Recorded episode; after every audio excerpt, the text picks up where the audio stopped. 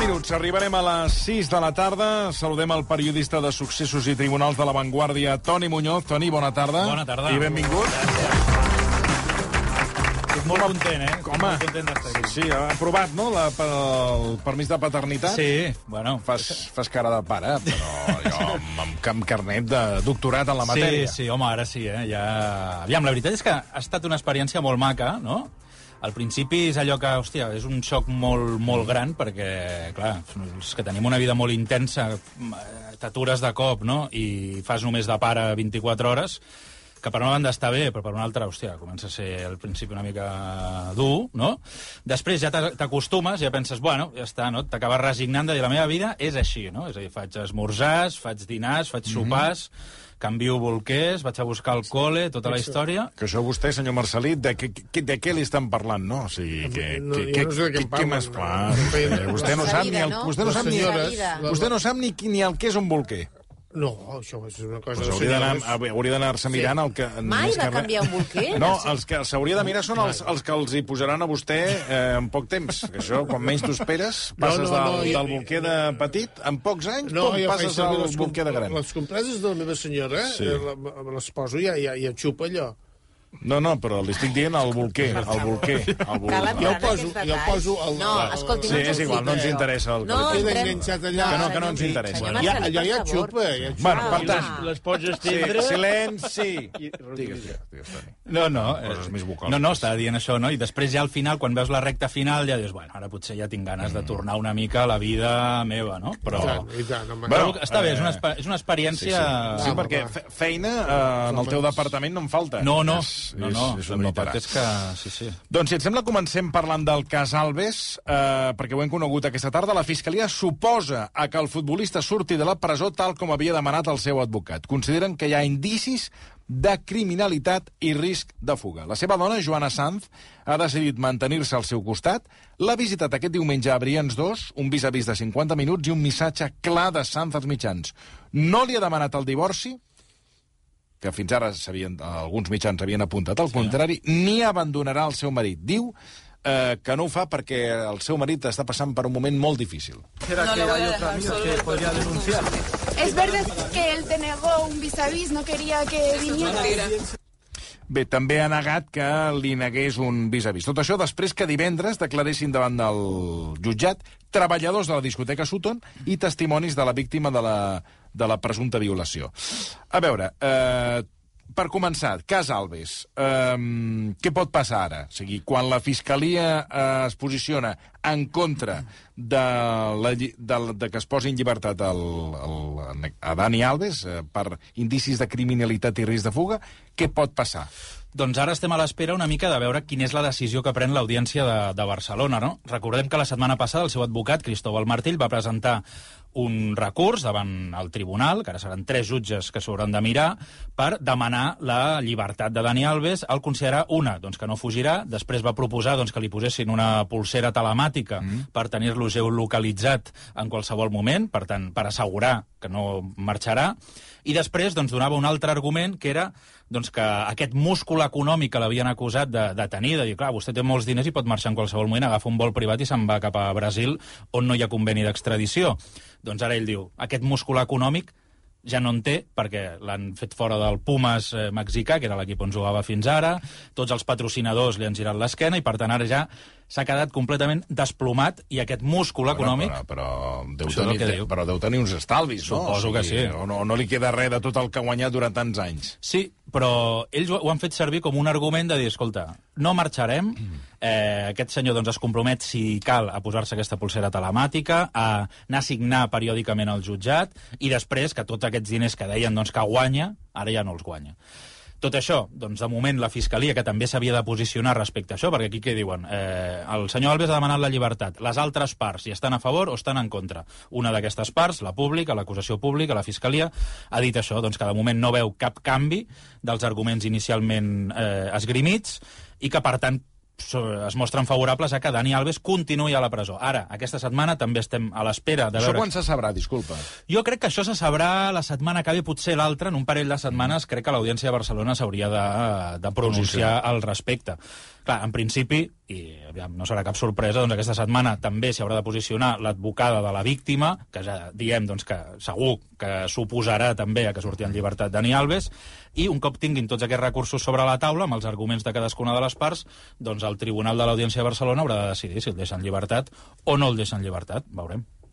Um, divendres van eh, declarar vuit testimonis. Uh, sabem què és el que van dir o què, què van explicar davant el jutge? Sí, bàsicament... El, el, Davant el jutjat, que era una jutgessa que ho feia. Sí, van, van declarar les dues acompanyants de, de la víctima, el porter del local, que la va auxiliar en el moment doncs, que sortia i va veure doncs, que sortia de, amb la cara descomposada, el director de, del Sutton, de la discoteca, doncs, que és qui va activar el protocol, i quatre treballadors més, un dels quals doncs, van ser aquelles, aquelles persones doncs, que anaven, diguéssim, a buscar les noies de la sala de ball i portar-les cap a aquests eh, reservats privats Ja. eh, pel grup d'amics de, de Dani Alves. En principi, les declaracions més importants van ser les que van eh, prestar les dues acompanyants de la víctima, que eren una amiga i una cosina, i bàsicament van ratificar el que ja havien explicat davant de, dels Mossos, no? que elles estaven ballant, que van entrar cap a les 3 de la matinada al Sutton, quan un, uns cambrers doncs, els hi van dir si volien anar a la sala privada, que allà doncs, van veure doncs, que estaven al grup d'amics de, de Dani Alves, i després van explicar una cosa, i és que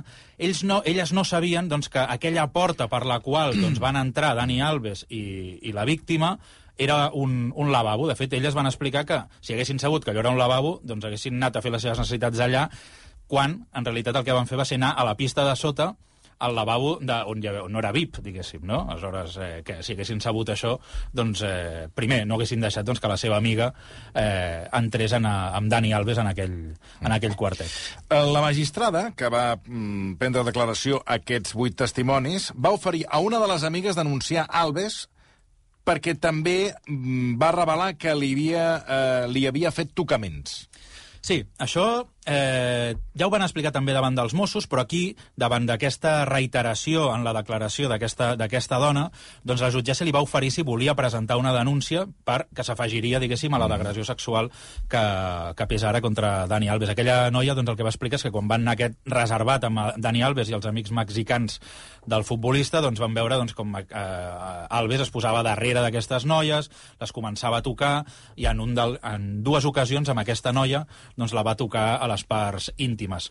Li va fer aquest oferiment doncs, la, la jutgessa, de dir, escolta, vols denunciar a Dani Alves, que se li afegiria, diguéssim, una nova causa, se li obriria una nova causa, ella va dir que no, perquè volia que tots els esforços de la justícia se centressin en investigar el cas de la seva amiga, d'aquesta víctima doncs, de, de 23 anys, per la qual... Doncs, I, I la Fiscalia. Toni, podria obrir un nou procediment contra Alves? No. Si no, hi ha una denúncia, no. Això est estem parlant doncs, que les agressions sexuals són delictes semipúblics i el que necessiten és doncs, eh, una denúncia de, de la víctima, perquè, clar, al final és la víctima qui sap si és consentit o no és consentit. No? Tu des de fora no pots eh, determinar si una relació, a vegades, per molt violenta que sigui, pugui ser consentida Ja. o no, mm -hmm. perquè a vegades hi ha relacions sexuals mm -hmm. violentes doncs, que ja són consentides. No? Mm -hmm. Doncs en aquest cas doncs, passaria això. Com que no hi ha denúncia, doncs la Fiscalia no pot obrir una investigació d'ofici. Hi ha, hi ha una, una qüestió que volia preguntar-te, que és sobre una prova, que són les, les uh, esportives blanques de Dani Alves. Per què? Doncs mira, ara una de les proves que, amb les quals doncs, compten la, la, les acusacions són les càmeres de vídeo del Sutton que gravaven aquest reservat mm. on estaven aquesta, en fi, Dani Alves i mm. aquestes, aquestes noies. I, segons diuen, doncs, hi ha una imatge que quan Dani Alves està entrant en aquesta porta eh, no es veu gaire bé si és ell. No? És a dir, aquí el que deien és que aquesta noia eh, Dani Alves li deia a aquesta noia reiteradament que entrés en aquest quartet, no? I l'advocat de Dani Alves diu que no, que primer entra Alves i dos minuts després entra la víctima. Ja. Aleshores, es veu que hi ha un vídeo on es veu una persona que no se li veu la cara i només se li veuen aquestes bambes blanques, que queda com en un angle mort, que es, estaria doncs, en aquesta porta i que es creu que és Dani Alves, però l'advocat diu que no, que aquelles bambes blanques no són de Dani Alves. En fi, ara estan intentant doncs, marejar una mica Ja. la perdiu i agafar-se una mica les, a, a, les úniques coses que poden generar una mica de dubte de cara doncs, a, a defensar Dani Alves. Igualment, de les proves eh, contundents que tenen sobre la taula doncs, la justícia ara mateix, recordem ja no només la declaració de la víctima, sinó també el seu examen forense, i ara s'està a l'espera de determinar si les restes biològiques doncs, que es van extreure de, de la víctima i després unes restes doncs, que també van recuperar els Mossos d'aquest lavabo on s'hauria produït la violació corresponen a l'esperma de Dani Alves. Per tant, estan a l'espera de veure doncs, si efectivament eh, bueno, de, de rebre mm. aquestes proves i a veure què és, el, què és el que passa. Bé, tanquem la carpeta de moment de Dani Alves i anem amb una carpeta mm, que s'ha convertit en un, en un misteri. Més Sí. que un misteri, mm, ja no saps si, si, si aquí s'amaga alguna cosa, si no s'amaga. I Arriba un punt que crec que estem tots perduts, que és la de, aquest cas del jugador de rugby anglès desaparegut a Barcelona, Levi Davis, Eh, poca broma, perquè d'això fa tres mesos que va desaparèixer. Ara s'ha difós un vídeo previ a la desaparició on alerta que la seva vida corre perill i que l'estan extorsionant amb un vídeo sexual. I believed I was being filmed. Creia que m'havien gravat fent l'acte sexual després que em droguessin. Crec que d'això legalment se'n diu violació. Després d'això, i després de la falta de recolzament, no era jo mateix. Buscava un lloc de pertinença. Buscava ajuda. A més, denuncia que és víctima d'una trama de corrupció policial i política. La informació que li vaig donar a la policia va tornar directament a aquests individus. Potser ho diuen de veritat, potser són històries per espantar-me, però em van dir que tenen contactes amb un ministre del govern. S'han infiltrat dins la meva família. Membres de la meva família han amenaçat els meus germans i germanes. members of my family, they've threatened my little sisters and brothers. Bé, això és el que deia el, eh, Levi Davis, aquest jugador de rugby anglès desaparegut a Barcelona, com dèiem, eh, abans de la seva desaparició, eh, en un vídeo, segons ell, aquesta extorsió amb un vídeo sexual. Però, eh, allò que dèiem, sí. versió oficial dels Mossos, que teòricament són els que investiguen, no en tenim cap, però aquí hi ha uns detectius Exacte. eh, anglesos privats que van dient la seva i van investigant. Hi ha eh, un detectiu que es diu Bartomeu Pellicer, que està investigant la desaparició d'aquest jugador de rugbi i que ha estat entrevistat avui al programa Planta Baixa de TV3. Eh, aquest investigador eh, ha explicat que creuen que aquest jugador hauria desaparegut voluntàriament. Doncs eh, ara eh, la línia d'investigació és eh, trobar-lo que ell eh, està desaparegut per voluntat pròpia. Nosaltres és el que, el que creiem i és el, i també el que volem creure. Eh, volem trobar-lo, volem eh, ajudar-lo, eh, trobar-lo i ajudar-lo perquè a la manera en què ell publica el vídeo, els temps en què ell publica el vídeo i la seva desaparició immediata, sap que volia fer era un vídeo just abans de desaparèixer. Que el seu objectiu era amagar-se del, del món eh, i deixar el testimoni d'aquest vídeo. Bartomeu Pellicer, que recordem és portaveu del grup de detectius privats, diu que una de les claus d'aquest cas podria ser amb qui es va trobar a Eivissa. I nosaltres estem investigant, eh, LOI investiga eh, en el Regne Unit totes aquestes connexions, la gent que, amb què ell es va reunir a Eivissa, eh, cosa que és molt important perquè ara sabem que els cinc dies previs a la seu, al seu viatge cap a Barcelona eh, són importants a l'hora de- d'esbrinar eh, detalls de la, de la xarxa d'extorsió. Creiem que allà hi havia algun actiu d'aquesta xarxa, que ell en fugia i va anar a Barcelona fugint d'aquesta xarxa. Sabem que el seu portàtil eh, va desaparèixer a Eivissa, es va, va, ser, va ser segrestat a Eivissa, no l'hem pogut trobar, l'estem buscant.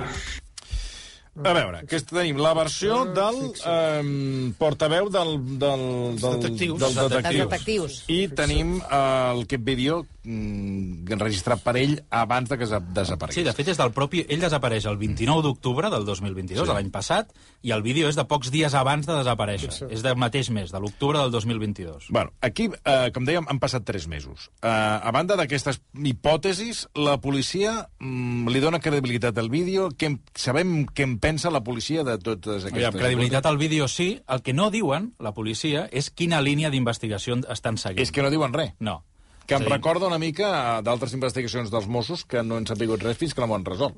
Sí, cosa que, aviam, eh, que jo sé que se- segur que estan treballant sobre aquest tema, el que no sabem és en quina línia. I mentrestant, mentre ells investiguen de forma discreta, tenim una sèrie d'investigadors, de detectius privats, doncs, que estan fent la seva feina, i que també ells sí que estan fent pública quin és el sentit de la seva investigació. A partir d'aquí, mm, cadascú que tregui les seves pròpies conclusions perquè no podem posar la mà al foc de que realment això que estan dient sigui cert. Ja veurem. Persegueix- És el que li ha sí, passat. sí, el de moment, el l'única cosa que podem oferir en aquest programa són a veure. els fets que sabem. Els fets que sabem són 29 d'octubre, Levi Davis eh, ve d'Eivissa, agafa un ferri, arriba a Barcelona, eh, ve ell sol, li envia un missatge a la seva mare on diu que l'estima molt i tot això, que en principi aquest vídeo serveix per dir ell no volia desaparèixer, no tenia cap intenció de desaparèixer o de, o de suïcidar-se. I després sabem, doncs, aquest també és un fet doncs, que s'ha lligat amb aquest cas. Aquell dia ell desapareix, va al Old Irish Pub de la Rambla, uh -huh. hi ha unes imatges, és l'últim cop que se'l veu, l'última vegada doncs, que unes, unes càmeres de seguretat el capten a Barcelona, i a partir d'aquí se li perd totalment el rastre. No sap ni on va, ni amb qui va, ni es té constància del seu senyal del telèfon mòbil, perquè això també és una gestió molt, molt difícil que s'està fent, perquè ell tenia un telèfon mòbil britànic. Doncs ara has de demanar a les companyies britàniques que et passin exactament quina era la geolocalització d'aquest senyor i quin és el recorregut que va seguir. També sabem doncs, que la seva documentació va ser trobada dies després al port de Barcelona, Això és estrany. que és estrany, mm. i també sabem d'un altre fet que el vam comentar en aquest programa i que era una mica estrany, que no sabíem què és el que havia passat i que molta gent l'està lligant amb aquest succés. I és que el dia 30 d'octubre, recordem doncs, que el capità d'un creuer que estava entrant al port de Barcelona va, va dir que havia vist una persona a l'aigua. Sí. Salvament Marítim va activar doncs, un, un dispositiu especial, de fet en vam parlar en aquest programa, mm. i eh, no van trobar ningú. Però el capità del creuer va avisar les autoritats dient que hi havia una persona a l'aigua. Hi ha gent doncs, que pot pensar, o, que, o aquest, fins i tot aquests detectius privats, que pensen que potser el cos d'aquesta persona que va, ve- que va veure aquest capità era el de Levi Davis.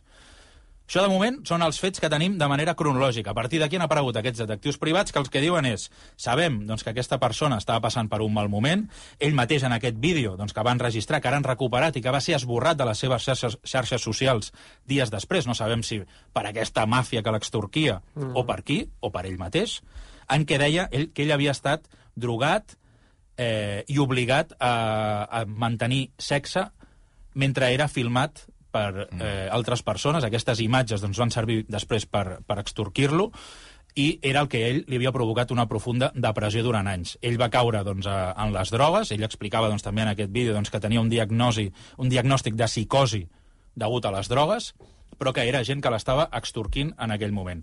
Els detectius privats, què és el que pensen? I també han dit doncs, que Levi Davis li devia 100.000 euros, perdona, 100.000 lliures esterlines a una màfia somalí. Això és el que diuen ells, doncs, derivat de les drogues, de tenir aquest deute aquesta persona i creuen que la seva desaparició està lligada amb tot això. Això és el que tenim. Això és el que tenim. Ja veurem a veure si realment... Bueno, tenim eh, coses, tenim coses. No, no estan- tenim res, tenim bastantes coses. Per Veurem si aquests realment- detectius, que és curiós, aquests detectius, sí. que, el detectiu que hem escoltat, el Bartomeu Pellicer, ha explicat que no, no els ha contractat la família, mm. que ells estan investigant aquest cas mm. Pel seu compte. pel seu compte de manera desinteressada eh, i que estan actuant pro bono, és- Sí, però bueno, que vol dir que és eh, sense ànim sense de lucre. ànim de lucre, sense cobrar. Sí, de fet, els que estan liderant o estan estat contractats per la família eh, allà al Regne Unit és un investigador, un detectiu que es diu Gavin Burrows, Burrows i que se'l coneix com a detectiu de les celebritats. I és molt conegut al, al Regne Unit i li han encarregat aquesta investigació. Ah, o sigui, fet, eh, aquest, aquest és un i, i el, aquests són uns altres. Aquests són de, uns, uns detectius Uns són els d'aquí, que cobren i els altres catalans, són que els no que ho estan fan cobrant res i que la, bono. fa- a qui la família no ha contractat. Ells simplement estan investigant pel seu compte. També és una mica estrany que investiguis pel teu compte, però bueno. Som catalans. A veure si tens temps. Um, per acabar, aquest divendres comença el judici a Laura Borràs per presumptes delictes de prevaricació i falsedat documental per la causa de l'Institut eh, de l'Institució de les Lletres Catalanes. Poca broma que durarà tres setmanes, això, del 10 de febrer a l'1 de març. A veure, eh, recordem quins fets se li imputen i quina pena demana la Fiscalia. Doncs mira, la Fiscalia li demana 6 anys de presó i 21 anys d'inhabilitació. 6 anys de presó? Sí, sí, 6 anys de presó i 21 anys d'inhabilitació pels delictes de falsedat documental i prevaricació administrativa per quan per l'època en què Laura Borràs presidia l'Institució de les Lletres Catalanes i hauria fraccionat 18 contractes menors per evitar doncs, fer un concurs públic i adjudicar-li d'aquesta manera a dit a un amic seu. Eh, el curiós d'aquesta història és com es destapa tot. Això va ser un error de correus. Això va ser un error de, de correus. Ja... Sembla ser doncs, que l'ami- l'amic de Laura Borràs eh, estava passant un moment complicat, estava, era, bueno, tenia una, una Un addicció. amic, un amic. Un amic, era un amic, sí, sí. De fet, eh, havien compartit classes a la Universitat de Barcelona, màster sobre literatura digital, i tot això, i sembla ser doncs, que era qui li adjudicava aquests serveis de manteniment de la web de la Institució de les Lletres Catalanes. Però com s'arriba a destapar tot aquest cas i que acaba esquitxant doncs, a Laura Borràs? Doncs perquè el, aquest, aquest amic de, de Laura Borràs, que es diu Isaías Herrero, doncs estava passant per un mal moment i de cop i volta va intentar falsificar bitllets eh, va intentar falsificar bitllets i el que va fer, doncs, els va falsificar va, i se'ls va fer enviar en un apartat de Però, correus. perdona, com es falsifica un bitllet? Sigui, Bueno, va contactar amb gent per la deep web, mm. per la internet profunda. No, no, no, és que clar, o sigui, tu em dius, jo ara vull falsificar uns... No sé per on començar. És més, si vaig a, vaig a una copisteria no me'l no, no me'ls deixen fer. no sé ni per on eh, començar. No, però ell va entrar, ell com tenia coneixements d'informàtica, doncs va entrar a la, a la internet A la profunda, web, a la sí. deep web, va contactar amb gent que sabien falsificar els bitllets, va aconseguir falsificar-los i se'ls va fer enviar a un apartat de correus de Castellbell i el Vilar. I és A aquí... l'amic de la Borràs. Exacte. I aquí és quan una, una treballadora de correus rep aquest paquet Sí. i en comptes de posar-li en l'apartat de correus seu, el posa a la guixeta del costat. Aleshores, la senyora que era propietària d'aquell apartat de correus van allà, obre el paquet i es troba eh, 20 bitllets de 50 euros falsificats. Sí, és, és 20 bitllets de 50 euros i, i, i falsificats perquè ho va comprovar. Bueno, va comprovar i dir, què és això? Aleshores va anar... Primer els va trencar, però després va dir, escolta, saps què? Deixa'm anar als Mossos que no es pensin que això és meu. Sí, sí. Ho va portar allà, van dir, sí, sí, efectivament, això està falsificat. Van anar cap a Correus i van dir, ostres, però si això no era d'aquesta guixeta, sinó era de la guixeta del costat. Van mirar, de qui és aquesta guixeta? Isaías Herrero.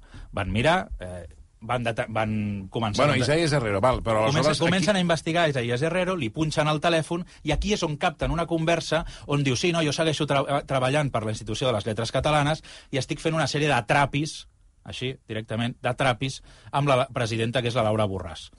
Això estem parlant, doncs, que és el, el 2017, a principis del 2017, quan es punxa aquesta...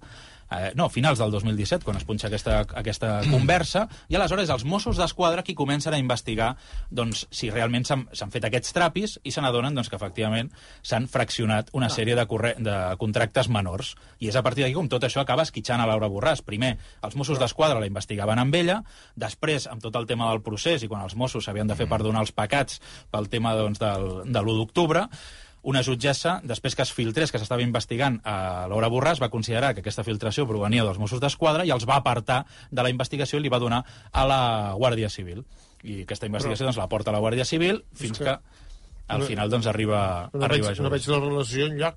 No, la relació és que capten una conversa on aquest senyor, que estava investigat per tràfic de bitllets, doncs diuen que està fent trapis a la Institució de les Lletres Catalanes amb Laura Borràs, i aleshores és quan comencen a investigar també No ha cas. aquest, aquest cas. No hi ha cas, encara te diré més. Aquí l'únic delicte que veig... Per aquest cas de la falsificació, Isaías Herrero ja va ser condemnat a 5 anys de presó. Allò ja va ser jutjat. Però per aquesta nova causa, doncs ara han obert aquesta, Mare de aquesta investigació doncs que L'únic de delicte, la, anys... l'únic delicte és la veïna, perquè obrir un correu que no és teu, això està Sí, senyor. prohibit, això és delicte. Sí, senyora. Sí, I aquesta senyora. senyora va obrir un Sí, correu que no anava per ella. A més a més, Castellbell i el Vilar és el poble que- de Jaume Pasteller.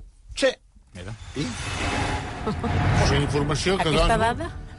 I bé, i ara, doncs, el, en Creu principi, rellevant, el, aquest divendres començarà doncs, el, el judici contra la presidenta suspesa del, del Parlament. Avui ja hem sabut doncs, que Esquerra Republicana i que la CUP doncs, no l'acompanyaran a les portes del Palau de Justícia per, bé, per brindar-li el seu suport, perquè consideren que en fi, el seu judici no és polític o no té a veure doncs, amb, el, amb el procés. I doncs, ella, doncs, això, s'asseurà al banc dels acusats al costat del, del seu amic, Isaías Herrero, que també doncs, està acusat per aquest Ah, cas. també hi va també hi va, també hi va. I, I, en fi, una de les proves clau serà doncs, els correus electrònics, perquè allà Laura Borràs donava les instruccions de com s'havien de fraccionar aquests contractes. Què és el primer que farà aquest divendres l'advocat de Laura Borràs, Gonzalo Boye? Impugnar aquests correus. Claro. Considerar doncs, que aquests correus els hi van treure de manera il·legal, els van examinar Justo. de, de manera il·legal i Ah. que, per tant, no poden formar part de l'acusació. Si, òbviament, desactiva aquests correus, fa que no formin part de l'acusació, No, no hi doncs tindrà No hi ha caso, més, caso. no hi haurà cas. Claro. Si aquests correus doncs, eh, Ah, per tant, aquí està la clau del judici. Aquesta si els correus eh, entren al judici, hi ha cas. Si no entren... Perquè, no, perquè són uns correus que es van... Com, comprometedors, com són comprometedors. Però clar, es van obtenir per ordre judicial o no? En principi sí, perquè el- els Mossos doncs d'Esquadra, quan actuen... Aleshores... Bé, el Gonzalo Boye diu que no. Els Ah. Mossos d'Esquadra, en principi, quan, quan investiguen qualsevol cosa és perquè compten amb l'empara de la, la justícia. Per tant, s'ha de veure el judici si tenien ordre judicial o no. Sí. No, També s'ha de dir que, aviam, eh, deixem clara una cosa. Sis anys de presó per fraccionar uns contractes Home, és una mica exagerat, sincerament. De fet, eh, jo crec, no, i ara no recordo si ho va dir Laura Borràs, eh, però que un cas que en qualsevol cas es podria acabar amb una infracció administrativa, li estan demanant una pena alta de presó. ves per on. Toni Muñoz, moltíssimes, moltíssimes gràcies. A vosaltres. Com sempre, un plaer ben retrobat. Sí, sí, moltes ganes de- de tornar. Ens Sí, trobem sí. la setmana que ve.